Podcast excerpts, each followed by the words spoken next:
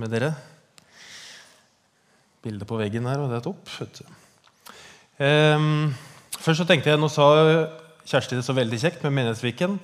At det er påmelding oppe, og nå er det 85 som har meldt seg på, og vi har masse plass igjen. det Er liksom, er det en helg du ikke angrer på å reise, tror jeg, så er det Menighetsviken. Så gjør det. Ligger på checkin.no. Kan bare skrive SMK i søkeord, og så kommer opp. Rett og slett.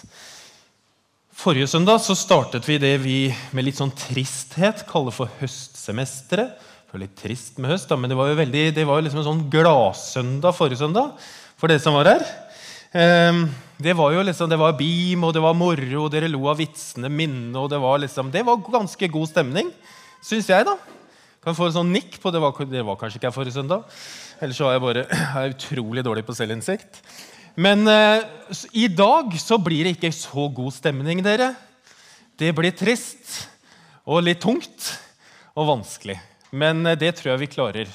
Gjør vi ikke det? Det er liksom bare for alvor, så Hvis du kjenner at nå må jeg gå, liksom, så, så eh, er det bare å gå nå. Da ser jo alle det, selvfølgelig. Men, men eh, da er det bare å gå. Vet du hva? Vi skal snakke om den invitasjonen som eh, Jesus gir oss når han ønsker oss velkommen hjem. Eh, For hva slags invitasjon er det? Hva betyr det egentlig? Eh, Og først og fremst så er det jo en invitasjon som er basert på nåde og kjærlighet. Og det er en invitasjon som Gud gir til deg, som du kan ta imot. Og det er en sånn, nesten sånn ubeskrivelig kjærlighet, hvor han sier, 'Kom til meg, du som strever', du som bærer tunge byrder, du som har det vondt, du som har det godt. Kom til meg. Velkommen hjem. Og så sier han, ta imot og spis det jeg har for deg. For han har masse godt for deg. Og så er det en invitasjon som Jesus gir til alle mennesker, til alle tider. Og uansett hva slags forhold vi lever under, så er det en invitasjon til deg. Og Gjennom sommeren og gjennom de siste ukene så har jeg kjent et sånt behov for å, liksom, å ta, å liksom skrape litt vekk eh, og komme liksom ned i dypet, til bunns, for å se hva er det Jesus egentlig vil når han inviterer oss. For det er jo ikke alltid like lett å se, i hvert fall for meg. Eh, han inviterer oss til et nærvær hvor vi skal komme og spise. Eh, så inviterer han oss til et fellesskap. Og gjennom troen på Jesus så får vi et evig liv i gave. Og så inviterer han oss til en relasjon med Gud i himmelen som har skapt oss, eh, og som har dødd på korset for oss, og som har sendt sin ånd til verden for at vi skal kjenne Han for alltid. Det er jo det han har invitert oss til. Men så har jeg tenkt i dag for å eh, belyse dette, og det er mange måter å belyse dette på, så er dette én måte. Eh, så har jeg lyst til at vi skal se på tre korte bibeltekster, egentlig. Eh, og så kan det godt hende at jeg ikke klarer å belyse alt så klart som jeg burde. Det kan hende at du er veldig uenig i det jeg skal si. Eh, og så er det noen ganger når man står her, så er det mer utfordrende enn andre ganger. Og i dag er det en av de gangene som er litt mer sånn utfordrende. Og hvis du blir veldig sint og provosert av det jeg sier Nå skjønner jeg at nå blir det mye greier, altså, men hvis det blir veldig sint og provosert, kan godt hende det, så ønsker jeg bare å oppfordre deg til, litt sånn i all ydmykhet, eh, på å komme igjen neste gang. Og Det handler om det at når vi har en serie som heter Velkommen hjem, når vi legger opp gudstjenesteforkynnelse i løpet av et år eller to, så er det en forkynnelse i sammenheng. Eh, og da er det noe med å være her og få, få med seg sammenhengen, rett og slett. Nå tenker jeg dere er spent. og så skal vi begynne veldig mildt. Og det er fra Johannes 1,14, hvor, hvor Johannes sier eh, Og ordet ble menneske og tok bolig iblant oss, og ordet, det er Jesus. I en oversettelse så står det at ordet ble menneske og flytta inn i nabolaget. Et annen oversettelse sier at ordet ble menneske og slo opp teltet sitt i nabolaget. Men det handler altså om at Jesus flytter inn. At han tar bolig i oss ved sin hellige ånd. når vi tror på Han. Og det betyr jo det at det å tro på Jesus, det å følge etter Han, det er ikke et sånt tillegg i livet. Det er ikke liksom et sånt sett med regler eller gode ting å leve etter eller ting som passer der, som vi tar fram av og til. Det er ikke et tillegg, men det er noe som flytter inn, og som blir en del av oss. Og så er det når han flytter inn, og det ikke er et tillegg, så betyr jo det at han, når han flytter inn med sin liksom, guddomskraft, så betyr det at han kan forvandle livene våre innenfra. Og det å tro på Jesus handler jo om at vi gir han rom, og at vi gir han lov til å flytte inn i livene våre. Det er den første teksten. Den andre står i Lukas 8, og den skal vi lese. Mye folk strømmet nå til fra byene omkring. Da en stor mengde hadde samlet seg om han, fortalte han en lignelse. En såmann gikk ut for å så kornet sitt. Og da han sådde, falt noe ved veien. Det ble tråkket ned, og fuglene under himmelen kom og spiste det opp. Noe falt på steingrunn, og det visnet straks det kom opp fordi det ikke fikk hvete. Noe falt blant tornebusker, og tornebuskene vokste opp og bar frukt hele hundre ganger det som ble sådd. Da han hadde sagt dette, ropte han ut, Den som har ører å høre med, hør. Det var en mann som gikk for å så korn.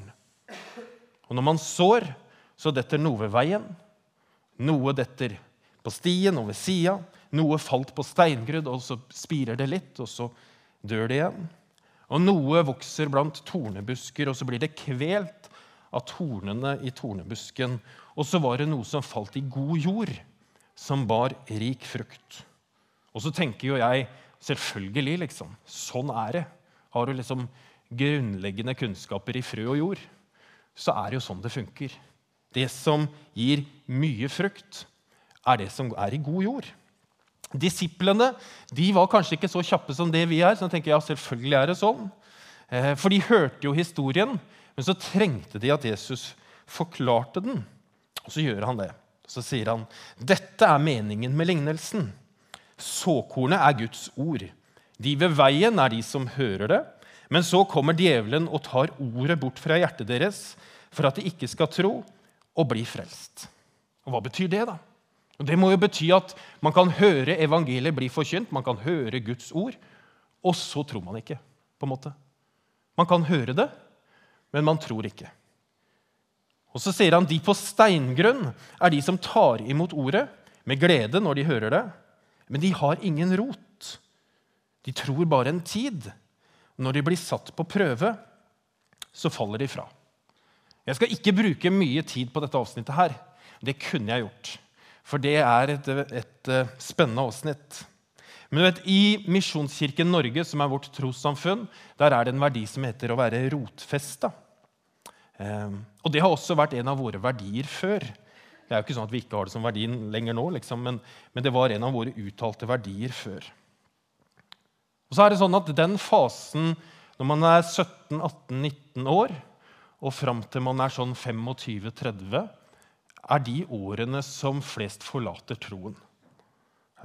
Og det å gå fra en barnetro eller en søndagsskoletro og gå til en voksen, moden tro, det er krevende. Og det er sårbart. Når søndagsskoleteologien vår møter forskning og vitenskap, da er det mange som faller ifra. For det er jo sånn at hvis man får trossvar, enkle trossvar på vanskelig, kompliserte spørsmål, da velger man ofte det andre. Jeg skal ikke snakke lenge om dette.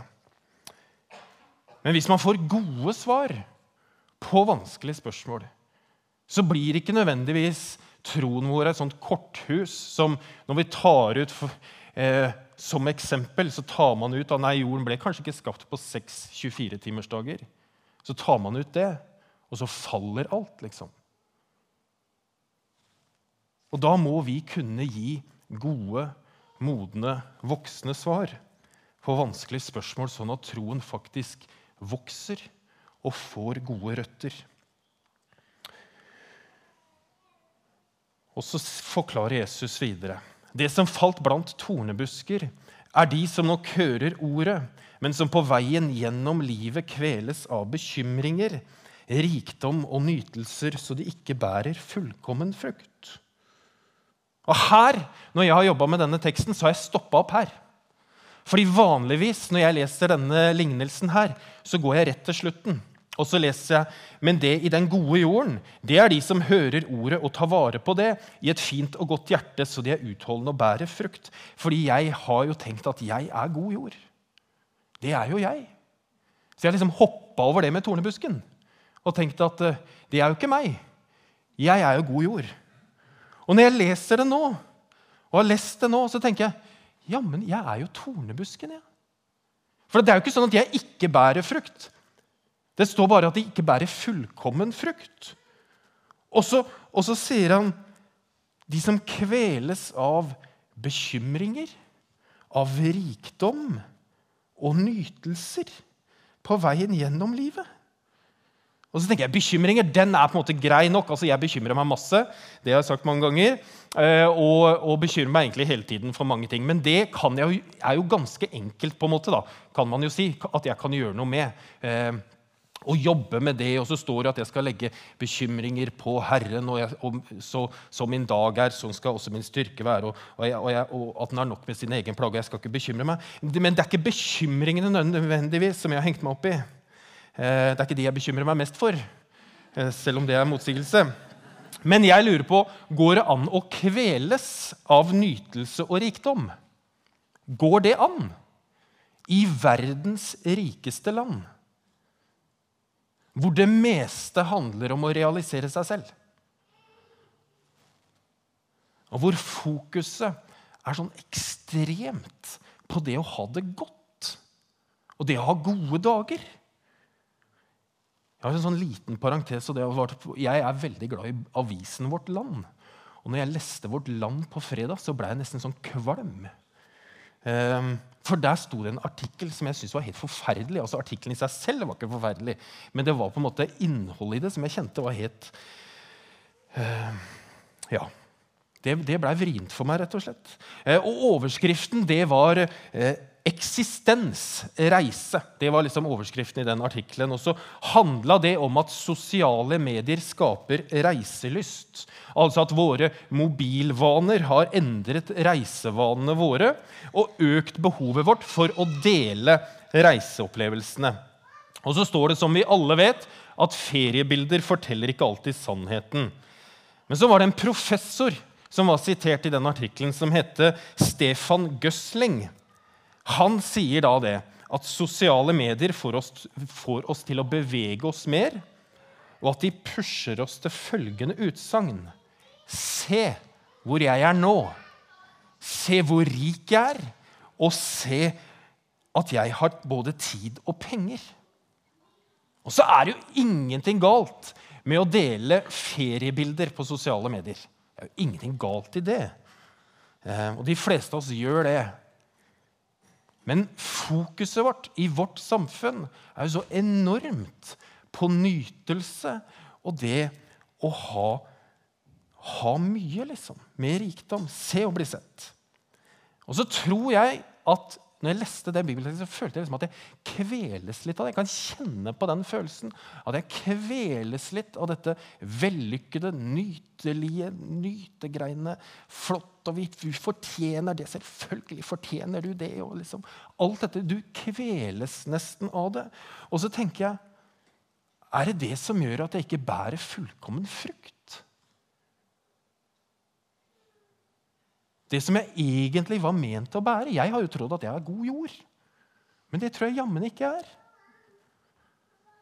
Og så Det jeg sier nå, kan jo du ta imot på, på, minst to måter. Jeg tenker Det ene er jo for en gjøk liksom, som står der oppe og sier oss at jeg ikke skal liksom, poste bilder på nettet. Og det er jo ikke det jeg sier. Og, liksom, og dette var det jeg visste. Kirken og menighet, og det fordømmer. og det er liksom, Vi er ikke gode nok, og de skal ta fra oss livsglede og livsnytelse. og alt dette, Ta bort alt som er godt i livet vårt. liksom. Det er den ene måten å ta det imot på. Og den andre, litt sånn sort-hvitt, er jo kanskje å tillate seg selv da, å tenke. På kristent språk kaller vi det for å granske hjertet sitt. Jeg vet ikke hva du vil kalle det. Men jeg tror at Jesus har et budskap til meg og til oss alle i dag, hvor han spør hva kommer på førsteplass i livet ditt. Er det nytelse, rikdom og bekymringer, eller er det meg? Og Så tar han jo dette et skritt videre, og det er jo nå den vanskelige teksten kommer. hvis du lurte på det. Og for Nå er Jesus inne i en periode i Lukas 14 hvor han forteller mange lignelser. Mange lignelser. Han har fortalt om himmelen, om surdeig, og han har fortalt om, om sennepsfrø og et fikentre som ikke bærer frukt. Han har helbreda en kvinne på sabbaten, og mange blir sinte.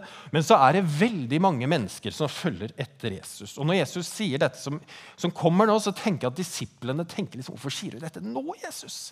Det går jo så bra med oss. Se om vi får folk der, og du gjør under, og det er liksom tipp topp stemning.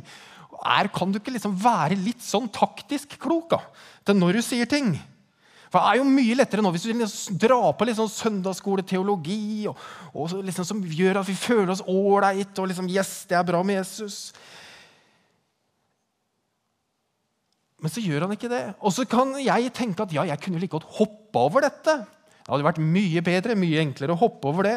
Eh, for det er jo liksom, det er ikke sånn kjempestemning. og er, Jeg skal si litt om at det er blitt misbrukt, det ordet, og det er liksom misforstått. og sånt, Men hva er det han sier? Han sier nemlig Det står at store folkeskarer fulgte med Jesus. Han vendte seg mot dem og sa.: Om noen kommer til meg og ikke setter dette høyere enn far og mor, kone og barn, brødre og søstre, ja, høyere enn sitt eget liv, kan han ikke være min disippel. Den som ikke bærer sitt kors og følger etter meg, kan ikke være min disippel.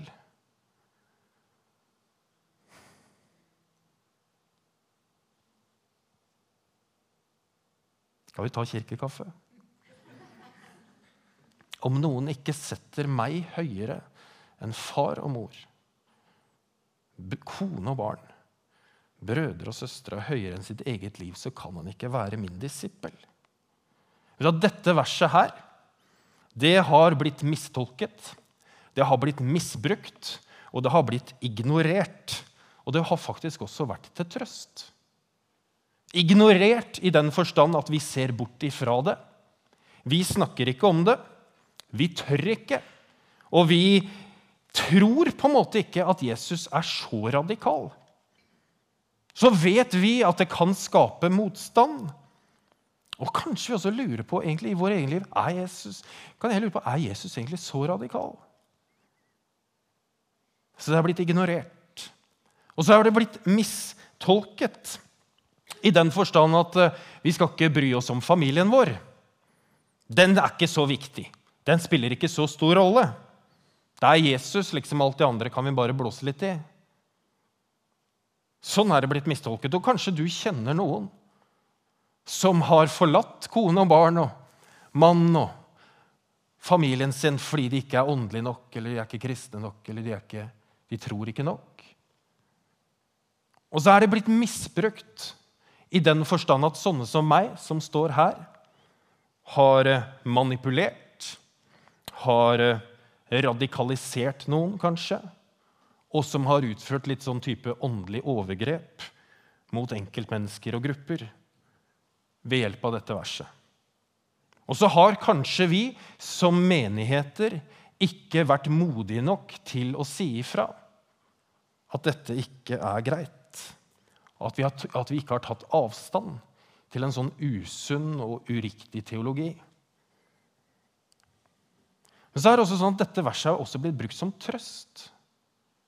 For noen har dette verset vært et sånn livsreddende vers som gjør at de har gått ut av en dysfunksjonell relasjon, f.eks. Mange i land hvor det er forfølgelse av kristne, bruker dette verset som trøst. Men tilbake til det at det er misbrukt at det er mistolket og ignorert. Det er jo sånn at Evangeliet om Jesus det må vi lese i sin helhet. Vi plukker liksom ikke ut vers her og der for det som høres best ut for en selv. Men det er en helhet, og når vi snakker om hva vil Jesus egentlig, når han sier 'velkommen hjem', så hører dette med. Og så lurer du kanskje på hvorfor sier Jesus dette. Sier han det fordi han er en sånn egoistisk tyrann? Eller fordi han er sånn ekstremt selvopptatt og narsissistisk? Sier han det fordi han ikke ønsker at vi skal være opptatt av vår familie? Eller kan han si det fordi han vet at han er kilden til selve livet? At han er selve kilden til livsglede? At han er kilden til alt som er godt i livet? Og at alt godt stammer fra han? Og dersom vi har han først, så påvirker det alle andre ting. Hør her. Kristen tro er med rette opptatt av de familiære verdiene. At vi er en familie, at menigheten er en familie, at vi er et åndelig hjem. Og Jesus er jo veldig opptatt av familie av å hedre sin far og mor, og at vi elsker vår neste, og at vi lever i harmoni med de rundt oss, og at vi har godt med de som vi er sammen med. Og Han sa jo også at de som ikke blir som et barn, kan ikke komme inn i himmelriket, men han vil være på førsteplass. Og Når vi strever med bekymringer, med rikdom, med nytelse, så vil han være først. Fordi når vi setter han først, så blir vi som god jord, som bærer god frukt. Og Jesus han gir jo ikke en invitasjon til oss om å følge han som eh, Det er en, teolog, en, tysk teolog som heter Dietrich Bonhoeffer, som har et begrep som heter billig nåde. Hvor nåden kommer på billigsalg. Den nåden som Gud gir, den er ikke billig. Den er kostbar. Ikke for oss, men for han. Fordi den kosta jo Jesus livet. Den gjorde at Gud ofra det kjæreste han hadde, for at vi skulle gå fri. Og da er ikke nåden billig eller lettkjøpt. Og som et gjensvar på det så inviterer Jesus oss til å sette han først. Han sier, 'Søk først Guds rike og hans rettferdighet', så skal du få alt det andre i tillegg. Og Paulus skriver, da kan dere leve et liv som er Herren verdig, og som helt og fullt er til glede for Han, så dere bærer frukt i all god gjerning og vokser i kjennskap til Gud. Hør her. Gud, han elsker deg. Han vil det beste for deg. Han vil deg alt godt. Og så vet han at han er kilden til alt godt i livet. Til alt som er godt. Og han ønsker deg det. Og jeg tror at vi i vår verden, hvor vi er liksom lassa ned med et behov for å være rike og kjenne nytelse, så går vi glipp av noe. Fordi vi klarer oss så godt. At Jesus blir et sånt tillegg som vi drar fram når det blir vrient. Da tar vi ham fram. Men sånn ellers så trenger vi han ikke. Da tror jeg ikke at vi bærer fullkommen frukt. Du at Jesus han er mye mer opptatt av hvem du er, enn av hva du gjør. Hvis du tenker på sånn eh, på, I løpet av nå, når jeg sier det neste gang, så tenker du på fem personer som du beundrer. Nå. Hva er det du beundrer med de? Er det for det, det de er, eller for det de har gjort eller gjør? Vet, Jesus ser ikke sånn på deg. For han ser deg for den du er.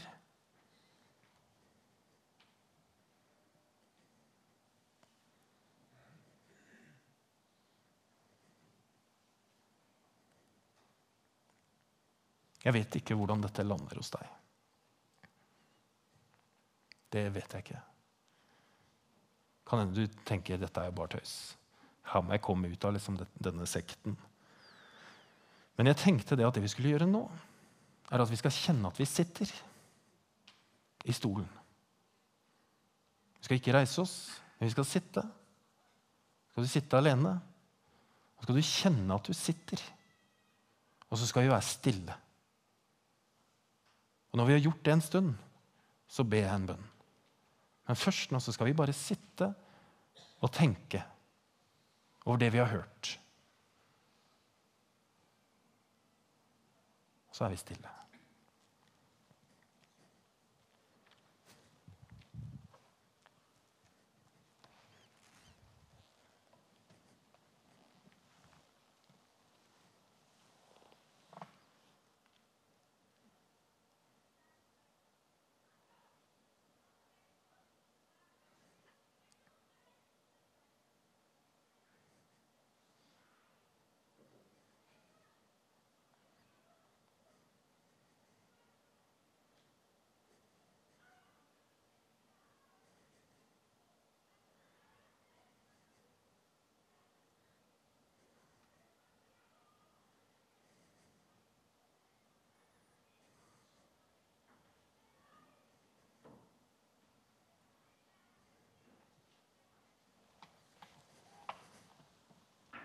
Herre.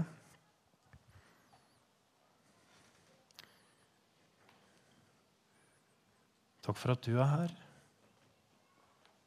Takk for at du taler til eh, hjertene våre.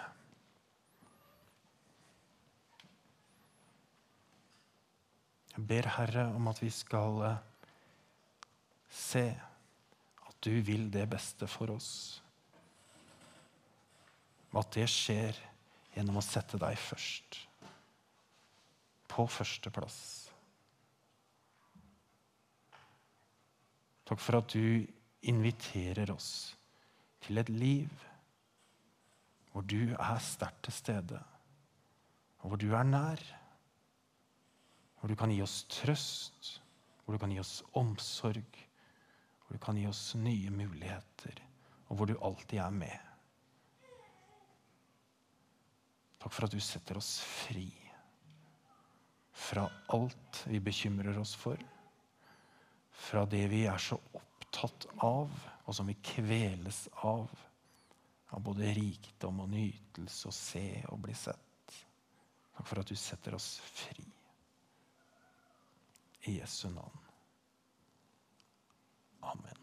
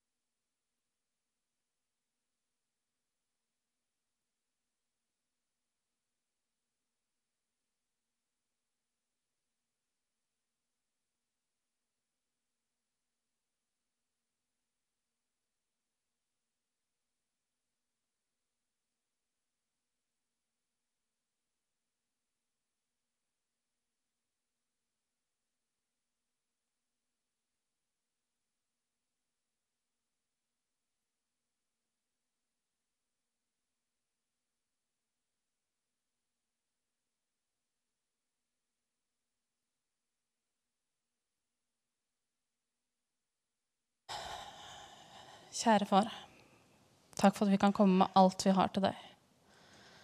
Du ser alt som ligger på våre hjerter, i våre hoder, våre bekymringer, våre tanker, våre Ja, alt som ler seg inni oss. Du kjenner oss inn og ut, og du vet hvor vi er, hvor vi skal være, og du har sjansen til å lede oss hvis vi kan slippe deg til. Du ser alt som ligger i denne krukka. Du ser utfordringer, du ser vanskeligheter, du ser gleder. Velsign alle som er her, velsign alt som beveger seg i dem. I Jesu navn. Amen. Da kan jeg ønske velkommen til kirkekaffe. Og fra klokka halv to så åpner bommene på Hauknesodden. Ta med grillmat, ta med en god venn, ta med noe å sitte på. Så eh, ligger det an til en bra dag. Så kan vi få velsignelsen av Martin.